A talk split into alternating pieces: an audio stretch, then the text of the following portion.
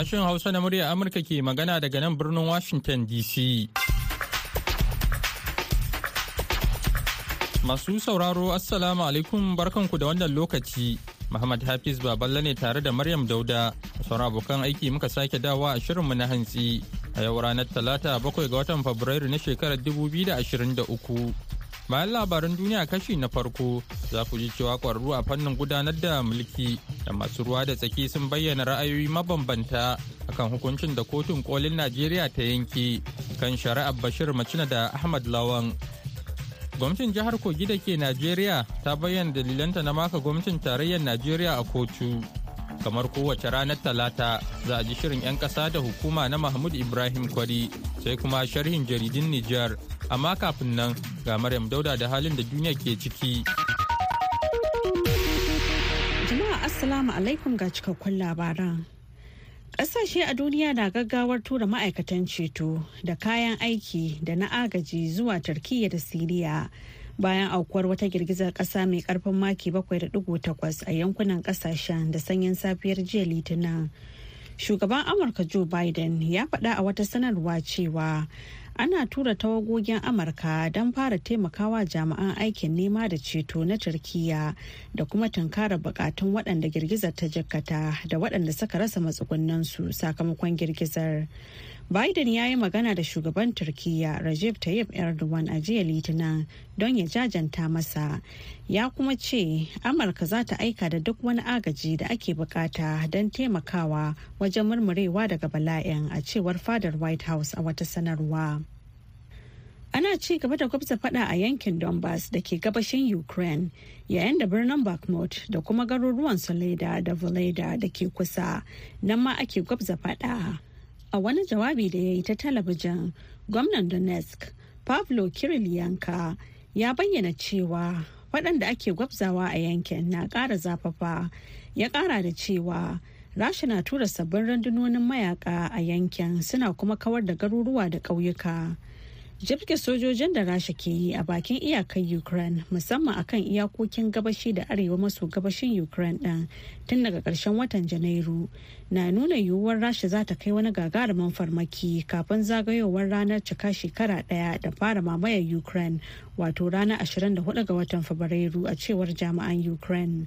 Kakakin hukumar leƙen asirin sojan ukraine vadim skibetsky ya yi hasashen cewa ta yiwu rasha za ta ƙara ƙaimi wajen kai hare-hare a yankin donbass kuma ta yiwu ta kai hari a yankin zaporijiya amurka ta faɗi cewa tana ci gaba da tattara tarkacen balan-balan ɗin leƙen asirin china da ta harbo a saman tekun atlantika a ƙarshen mako kuma ƙwararru a fannin leƙen asiri sun fara yin nazari a kansu.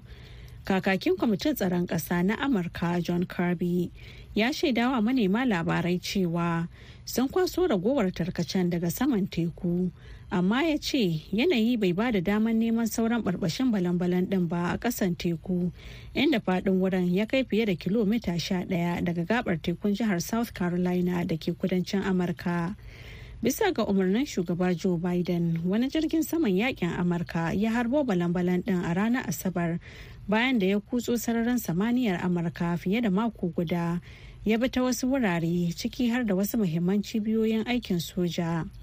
China dai ta yi ikirarin cewa an tura balan-balan din ne don yin nazarin yanayi amma ba don wata manufa da ta shafi soja ba. Amma amurka ta ce balan-balan din leƙen asiri ne na fasahar zamani.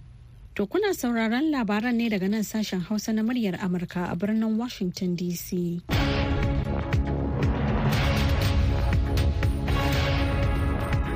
Kafin mu kawo muku sauran labaran da muke ɗauke da su, za mu fara kawo muku rahotonmu na farko.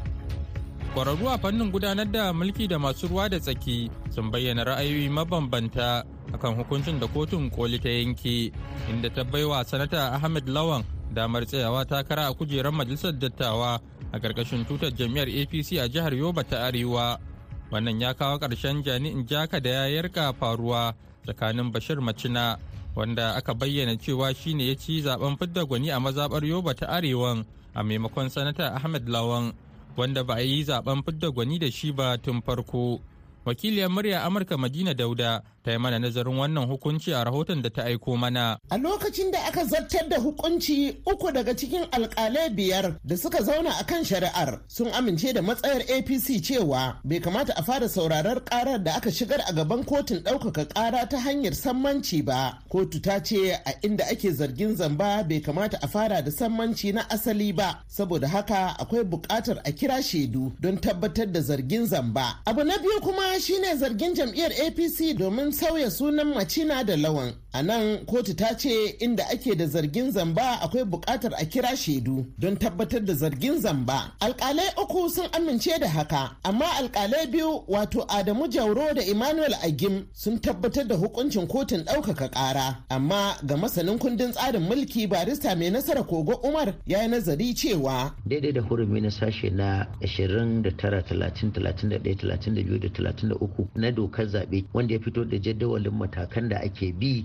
kamin a tsaye da ɗan takara wanda kuma a lokacin da aka tsaye da ɗan takarar nan aka yi zaɓen ciro ɗin nan gaba ɗaya shi ahmed lawan a dukkan bayanai da suka zo baya cikin waɗannan 'yan takara. Kuma hasali ma sashe na dokar zaɓe ɗin sashe na 32 33 da 34 ya ce ba zai yiwu a canza wani ɗan takara ba na jam'iyya har sai idan shi a ƙashin kan shi ne ya rubuta cewa ya yi murabus ya sauka ko kuma idan ya mutu. To ba a samu ko ɗaya daga cikin waɗannan ba. Kuma dokar zaɓe sashe na 115 sakin sashe na da a cikin baka ya yi haramci ga ɗan takara a kakar zaɓe ya yi takara ta wuce guda ɗaya. To ba mu san madogara da supreme court ya amfani da shi har aka ce an juya wannan koma ɗin ta tabbatar cewa ahmed lawal shine ɗan takara ba. Shi ma ƙwararre a fannin siyasa da gudanar da mulki kuma malami a jami'ar abuja farfesa abu hamisu ya tsokaci cewa an yi wa demokradiyya karan tsaye. Wannan ya nuna cewa wayansu tsirarun mutane suna nuna wa mutane cewa sun sun isa a kasan nan bayan da za a yi da su. To abin da ya rage kamar inda kika fada kotun allah ya isa ne daga wannan kuma sai kabari da kuma abin da allah ya yi. To tun da talakawa ne za su yi zaɓe talakawa su ɗauke mataki in ba su gamsu da abin da aka yi a kotu ba. Saboda ba kotu ba ne yake zaɓen mutane mutane ne kan tsaya su zabi wanda suke so ya tsaya takara. Saboda aka mun alawadar da wannan hukuncin da aka yanke kuma allah zai yi wa wanda aka danna wa ake sakaya tsakanin su da wayannan mutanen. Amma wanda abin ya shafa sanata ahmed lawan ya yaba da hukuncin inda ya ce wannan ya nuna cewa dimokuraɗiyya ce ta taka rawa mai muhimmanci a wannan lamarin. Saboda haka yana murna. What happened was democracy at work and um, the courts gave their various judgments, and of course, the Supreme Court gave the final judgment. I want at this point uh, to commend the Supreme Court. Na yi ƙoƙarin samun mai magana da yawon Bashir Macina domin in ji ra'ayinsu a game da hukuncin, amma bai amsa wayata ba. Madina Dauda, muryar Amurka daga Abuja, Najeriya.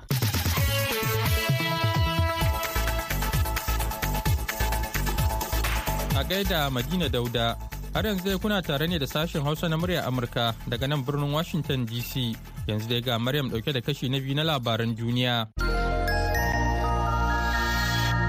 An gayyaci shugaban Ukraine Volodymyr Zelensky don halartar taron kolin shugabannin tarayyar Turai ta EU a cewar ƙungiyar a jiya Litinin. A daidai lokacin da rahotanni ke cewa ta yiwu Zelensky ya je birnin Brussels a cikin wannan makon.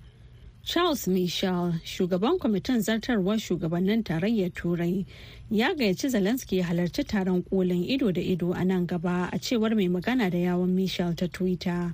Kakakin na Michel, Brand Leitz, bai bayyana lokacin da Zelensky zai amsa gayyatar ba kuma ya bayyana cewa ba za a ba da ƙarin bayani akan batun ba saboda dalilan tsaro. A ranakun Alhamis da Juma'a za a gudanar da taron kolin na EU a Brussels a wannan makon. A jiya Litinin da safe, kafofin yada labarai da yawa sun ba da rahoton cewa ta yiwu Zelensky ya halarci taron kolin kuma ta yiwu ya yi jawabi a zaman majalisar ta EU. Gwamnatin Biden na ƙoƙarin sanya takunkumi da nufin auna rasha ta hanyar yi wa abokan cinikayyar rashar kashedi kan cewa suna tattare da hadarin doka idan suka yi harkokin kasuwanci da kamfanonin da aka sanya wa takunkumi. Brian Nelson, ƙaramin sakataren baitul malin Amurka akan ayyukan ta'addanci da bayanan sirri. a kwanan nan ya gana da jami'an gwamnati da wakilan banki a turkiya don tattaunawa akan yadda takunkumin da amurka ta sanya wa rashar ya shafi harkokin kasuwancin turkiya a zaman wani ɓangaren rangadin yanki da yake yi wanda ya hada da haɗaɗɗiyar daular larabawa masana a harkokin kasuwanci sun faɗawa muryar amurka cewa amurka na mayar da hankali wajen hana sojojin rasha damar samun manyan kayan aiki ta hanyar yin barazanar sanya takunkumi mai ƙarfi akan kamfanonin da har yanzu suke kasuwanci da rasha.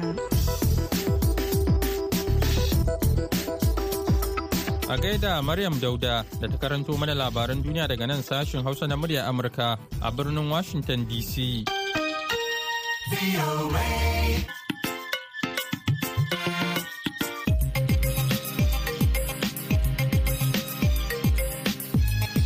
Madalla. Gwamnatin jihar Kogi da ke arewa ta tsakiyar Najeriya ta yi ƙarin haske akan dalilanta na maka gwamnatin Najeriya kotu akan batun canza fasalin kuɗin ƙasar da ya jefa 'yan Najeriya cikin wani hali na matsin rayuwa ga rahoton da wakilin Mustapha Nasiru Batsari ya aiko mana. A ranar wannan litinin ne dai gwamnatin jihar Kogin tare da jihohin Zamfara da Kaduna suka maka gwamnatin Najeriya a wata babbar kotu da ke Abuja domin neman ganin an bi tsari akan canza fasalin kuɗaɗen. Mr. Kensley Fanwo shine kwamishinan labarai na jihar Kogin ya ce suna buƙatar a bi tsari ne bisa la'akari da yadda 'yan Najeriya ke wahala akan wannan al'amari sannan ya ƙara da cewa. We have instructed our lawyer ya ce sun baiwa lauyansu umarni da ya shigar da kara a kotun kolin najeriya domin ita kuma kotun ta umarci babban bankin najeriya ko kuma gwamnatin najeriya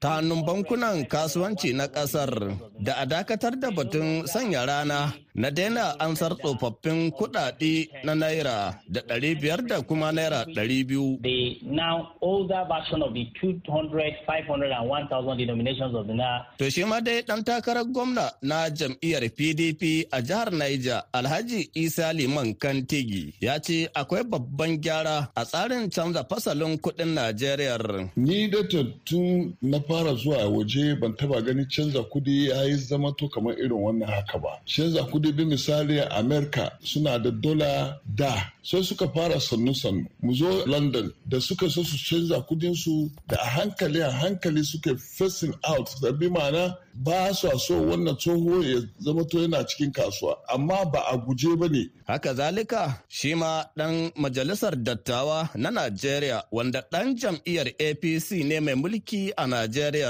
kuma wakilin Niger ta gabas a majalisar dattawan Najeriya sanata Sani Musa 313 ya soki lamirin wannan tsari. Yadda aka ɗauko abun bai yi daidai ba. Dan majalisar dattawa ne. A wani zama namu mun da gaskiyar magana cewa wani abu bai kamata a yi ta yadda ake yi ba. Domin me? Za ka dubi yanayin lokaci. Yanzu ana batun siyasa na canza gwamnati. Inda an bi shawara mafi gaskiya da wannan canji sai a bar sabuwar gwamnati ta zo. To amma yanzu an takura wa jama'a kuɗin nan baya da yawa da aka buga. Ya kamata da a ce gwamnati ta shirya ta riga ta buga ta ajiye sai a zo a yi. Har ya zuwa wannan litinin da ta gabata dai ana ci gaba da samun cunkoso a mashinan cire kuɗaɗe na bankuna da ke nan tsakiyar birnin mina dokuwa da umarnin babban bankin najeriya na cewa bankuna su fara baiwa kwastomomi kuɗaɗe ta cikin bankuna. Mustapha Nasiru Batsari, murya Amurka daga Mina a Najeriya. A gaida Mustapha Nasiru Batsari, har yanzu kuna tare ne da sashen Hausa na murya Amurka daga nan birnin Washington DC. Muna kuma yada shirye-shiryen ne akan mitoci 16, 25 da kuma 31. A jamhuriyar Nijar kuma za a iya sauraron tashar ta BOA Africa akan mita 200.5. kuna kuma iya sauraron mu a duk lokacin da kuke buƙata a voahausa.com yanzu kuma sai shirinmu na gaba. 'Yan ƙasa da hukuma. Dukkan fitina daga jahilci take tushe ƙauna ta lalace shi ke jawo a yi zalunci da matsawa gun karɓan hanci duka ba wannan a cikin Masu saurayi assalamu alaikum barka da saduwa da ku ta cikin shirin 'yan ƙasa da hukuma da ni Mahmud Ibrahim Kwari zan gabatar. Ina jiran cire kuɗi tun ƙarfe biyar na safe ina nan. Na yi sallah asuba sai na zo. Layin gaba ɗaya an daina hawa kawai abin ake yi random lima. Ga ATM ɗin nan kuma already ma sun kashe shi.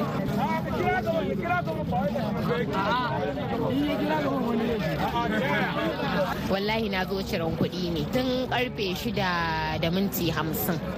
Mu dai ba abin da za mu ce sai dai mu dai muna ga Allah kuma shugabanni su ji tsoron Allah.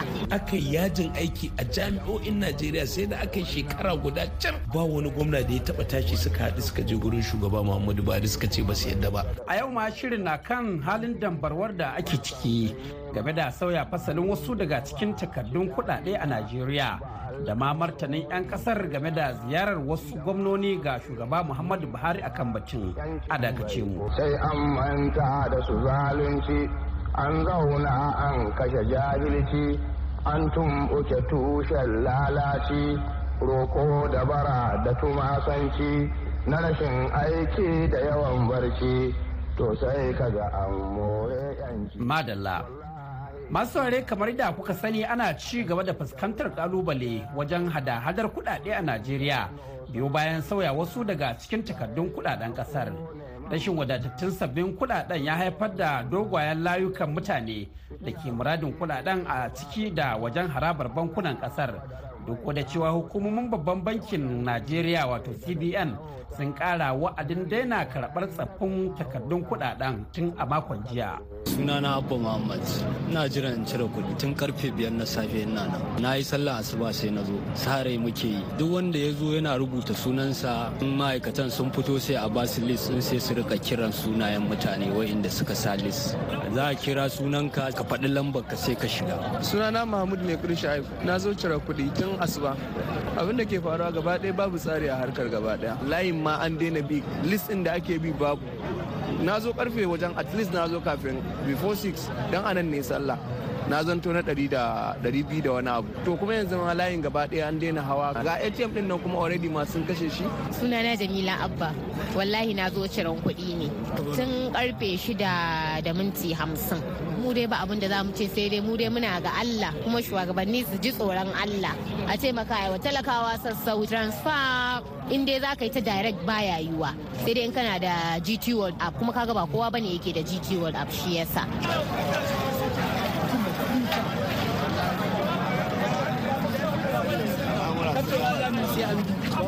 sunana malam awal ni na zo game da zancen atm card ne.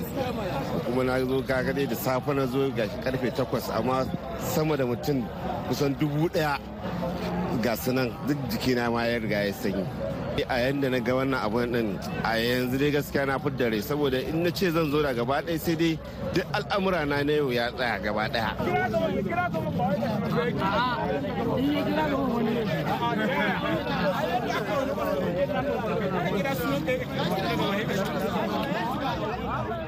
Yanzu haka dai babban bankin ƙasar cbn ya ce yana ɗaukar matakan da suka kamata domin rage wannan raɗaɗi da 'yan ƙasar suke fuskanta saboda wannan yanayi. Hajiya rukayya muhammad daraktar kula da harkokin fasahar sadarwa a shalkwatar bankin da ke abuja ita ce ke jagorantar ayarin da ke sanya ido akan aiwatar da sabon tsarin takardun kuɗaɗen ƙasar a jihar kano. To alhamdulillahi an samu dan ci gaba. Mun kamar yadda ka sani muna ta bi ƙauyuka mu kanmu. Kuma na ga kamar layin a atm ya fara ragewa. Kuma bankuna suna ta sa kuɗi a atm kuma yanzu da ke an buɗe over the counter payment wato mutane za su iya shiga cikin banki su karɓi kuɗi wanda adadin su bai fi dubu ashirin ba. So an rage layin atm ɗin kanshi kuma na ga kamar mutane sun fara hada-hada da wannan sabon kuɗin a cikin gari. Amma har yau dai da saura muna sa ran yanzu yau ɗin nan mutanen mu sun sun fita za su je asibitoci da makarantu da abin yanzu nan da kake gani na za mu tafi da mitin ne da kungiyoyi daban-daban na Kano mu je yanda za mu yi. Mu kara zakulo mutane daga lunguna waɗanda ba su riga sun samu kuɗin ko kisa suke da matsala. In muka gano su kuma sai mu san yadda za a taro kan al'amarin. Amma kuna da labarin cewa akwai waɗanda suke sallar asuba wasu ma a ce su kwana a bakin bankuna?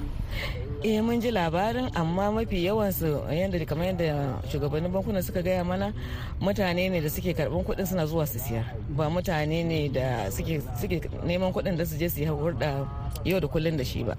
Amma su ma ɗin sun rage da yake yanzu mun sa matakan tsaro an ɗauki matakan tsaro. Bankuna sun sa security su in suka ga ka zo da safe ka zo da rana ka kwana a wurin to an san lalle ba ba kuɗin ba kuɗi kake nema ba dan ka je ka sayi abinci misali ko ka je asibiti. Kuɗi kake nema dan ka je ka siya. Har yanzu ana zargin bankuna suna yin wasu abubuwa na ba daidai ba. Kamar kuɗin ma ana cewa kamar suna wasu dabaru waɗanda wataƙila sun kauce ma ka'idodin da kuka shimfiɗa. Kun fahimci haka kuma idan haka ne me kuke yi? Eh to alhamdulillah kana kano dai wannan abubuwan da sauƙi gaskiya. Saboda muna bibiyan su. Sai mu tura mutane su buɗe asusun su mu tabbatar kuɗin ya fita kuma sun saka a atm din kuma biya ne ta counter sun bayar. In kuma wani branch za su aika sun aika. Mu bi su branch din mu je mu duba. So gaskiya nan da sauƙi a kano. Wani hali ake ci a yankunan karkara? Musamman local government da an san akwai bankunan da ake cewa microfinances na ƙananan bankuna ɗin nan da sauransu. Yaya ake ci gaba da su waɗancan microfinances? Eh babban bankin ya fito da tsari. Musamman a nan kano mun lura mutane da yawa an biya su albashi ta wannan bankunan microfinance banks din. To muna nan muna tsari muna da su. A kano gaba ɗayanta kamar guda shida suka shiga cikin tsarin. Suka sa sunayen customers ɗinsu akan abin da muke kira icard. Kuma suna da isassun kuɗin da za su yi harkokinsu na yau da kullum. Sauran suna da matsaloli daban-daban amma dukansu muna mitin mana hada su da agent don su samu kowa da aka biya albashi ya samu da kuɗin da zai kashe kafin a matsalolin da suke da shi. To nan gaba a cikin shirin za mu ji abin da masu fashin baki ke cewa akan wannan lamari da ma martani kan ziyarar da wasu daga cikin gwamnonin najeriya suka kai wa shugaba muhammadu buhari game da wannan al'amari. Afirka akwai wasu 'yan yunwa. Da suke karɓo kurɗi da yawa rikici duka suke jawowa kuma tashi hana su da gaggawa.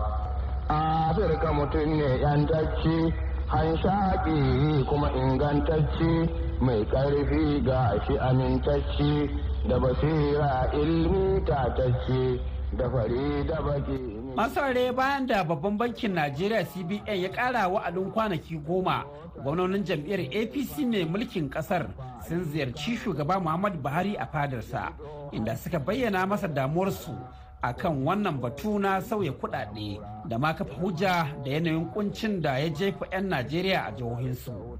Sai dai masu sharhi kan lamura irin su honorable anas abadala sun fara tsokaci akan ziyarar gwamnonin. Duk wa'annan wa'anda kaga muna hawa layin atm magana ce ta dubu ashirin. In ya cire dubu ashirin din sai je yi cefane. Shikenan ba shi da wata matsala ba miliyan ashirin zai cire ba ba dubu ashirin zai tun da aka fara layin atm kaga dan gidan gwamna kaga dan majalisa kaga sanata kaga dan gidan minista ko dan wani famanin sakatare ko wani darakta a ma'aikatan gwamnati duk irinmu ne 'ya'yan talakawa muke hawa layi mu je mu cire dubu ashirin mu siyo yara biredi mu yi cefane mu dawo.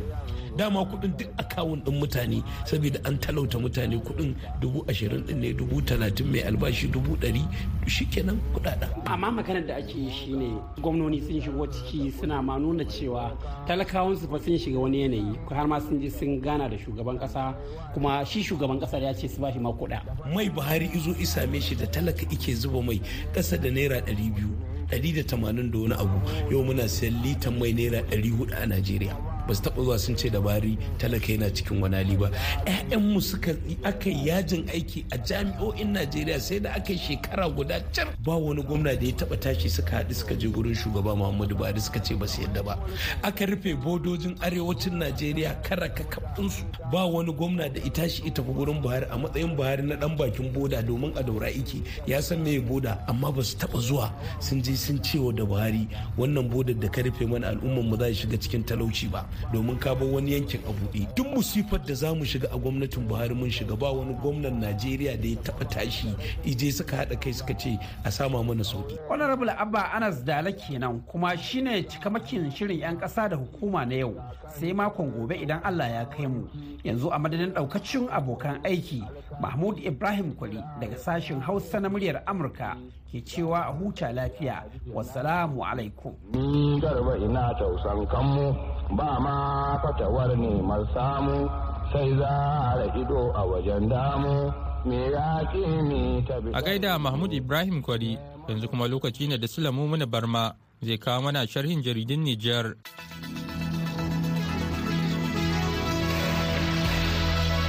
Za mu fara sharhin jaridun na wannan mako da jaridar Le Sahel wacce ta ruwaito cewa gwamnatin jamhuriyar Nijar ta buƙaci haɗin kan sarakunan ƙabilun gundumar a balar jihar Tilaberi a yaƙi da ta'addanci.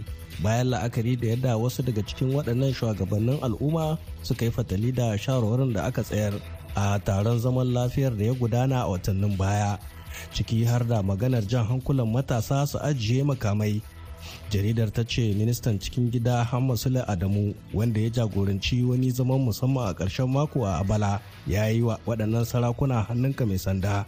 Dangane da rawar da ya kamata su taka a yunkurin wanzar da zaman lafiya a yankin tilaberi da wani ɓangare na jihohin tawa da doso. Jaridar laru de l'histoire na cewa hukumomin ilimi sun gabatar da tsarin fasalin shigar da malaman kwantaragi a sahun ma'aikatan gwamnati na dindindin. A ci gaba da ɗaukan matakan biyan bukatun ƙungiyoyin kwadago. jaridar ta ambato ministan ilimi ibrahim na tatu yana cewa daga cikin jami'an ma'aikatar ilimi ta ƙasa kimanin dubu ɗari da sha ɗaya da ɗari biyar da sittin da biyar sama da dubu saba'in duk malaman kwantaragi ne saboda haka gwamnatin nijar ta karkasa su a rukunoni huɗu inda rukunin farko zai ƙunshi malamai dubu ishirin da biyu da ɗari tara da arba'in da biyu waɗanda za su rubuta jarabawar cancantar shiga aikin malinta. Jaridar le harrison ta ce kwangilar allurar rigakafin dabbobi da ake zargin an yi da ciki a kan kudadanta na daga cikin takardun da hukumar yaƙi da cin hanci ta halsiya ta gabatarwa mashara'anta domin zurfafa bincike. Jaridar ta ce dama tun tashin farko wasu 'yan kasuwa sun koka da rashin adalcin da aka nuna wajen bayar da wannan kwangila ta miliyoyin sefa wacce a ta ya kamata a shigo da allurar dabbobi miliyan hamsin da uku. Sai dai har yanzu ba a san inda aka shiga da galibin waɗannan allurai ba. Lamarin da ya sa ake ganin alamun yiwuwar abin ya ritsa da ministan bunƙasa kiwo tijjani abdulkadiri kwatankwacin abin da ya sami ministan watsa labarai hamma zada wanda a yanzu haka ke kulle kurkuku sakamakon almandahanar kuɗaɗen kamfanin dillancin ma'adanai na ƙasa wato sofamin mu karkare da jaridar air info da ke cewa hukumomin mali sun sanar cewa ba sa buƙatar ganin daraktan sashen kula da sha'anin kare hakkin ɗan adam ta minisma guillaume njema a tondoka andali saboda zarginsa da yin wasu take-taken da suka saba wa aikinsa na jami'in diflomasiya wanda a cewar su yunkuri ne na tayar da fitina. Saboda haka suka ɗibar masa wa'adin awoyi 48 ya fice daga ƙasar ta mali. Sule mummuni barma muryar amurka daga yamai a jamhuriyar nijar. A gaida sule da wannan kuma muka zo ga shirinmu na ƙarshe wato labarai amma a taƙaice. Ƙasashe a duniya na gaggawar tura ma'aikatan ceto da kayan aiki da na agaji zuwa Turkiyya da Siriya bayan aukuwar wata girgizar ƙasa mai ƙarfin maki 7.8 a yankunan ƙasashen da sanyin safiyar jiya Litinin. Shugaban Amurka Joe Biden ya faɗa a wata sanarwa cewa ana tura tawagogin amurka don fara taimakawa jami'an aikin nema da ceto na turkiya da kuma tunkarar bukatun waɗanda girgizar ta jakkata da waɗanda suka rasa matsugunansu sakamakon girgizar. Ana ci gaba da gwabza fada a yankin donbass da ke gabashin ukraine yayin da birnin bakhmut da kuma garuruwan soleda da voleda da ke kusa nan ma ake gwabza fada a wani jawabi da ya yi ta talabijin gwamnan donetsk pavlo kirilyanka ya bayyana cewa waɗanda ake gwabzawa a yankin na ƙara zafafa ya ƙara da cewa rasha na tura sabbin rundunonin mayaka a yankin suna kuma kawar da garuruwa da ƙauyuka. To masu sauraro da takaitattun labaran muka kawo ƙarshen shirin namu na wannan lokaci sai kuma da ƙarfe huɗu agogon Najeriya Nijar kamar da Chadi wato ƙarfe uku agogon GMT da Ghana. Za ku ji wasu abokanan aikinmu da wani sabon shiri ciki har da noma tushen arziki. Yanzu a madadin dukkan waɗanda suka ba da gudunmawa ga nasarar wannan shirin musamman maryam dauda da ta karanto labarai sai kuma salaman abu da ya daidaita mana sauti da ba da umarni da ma injiniyan mu na yanzu muhammad hafiz baballa ke sallama da ku daga nan sashin hausa na murya amurka a birnin washington dc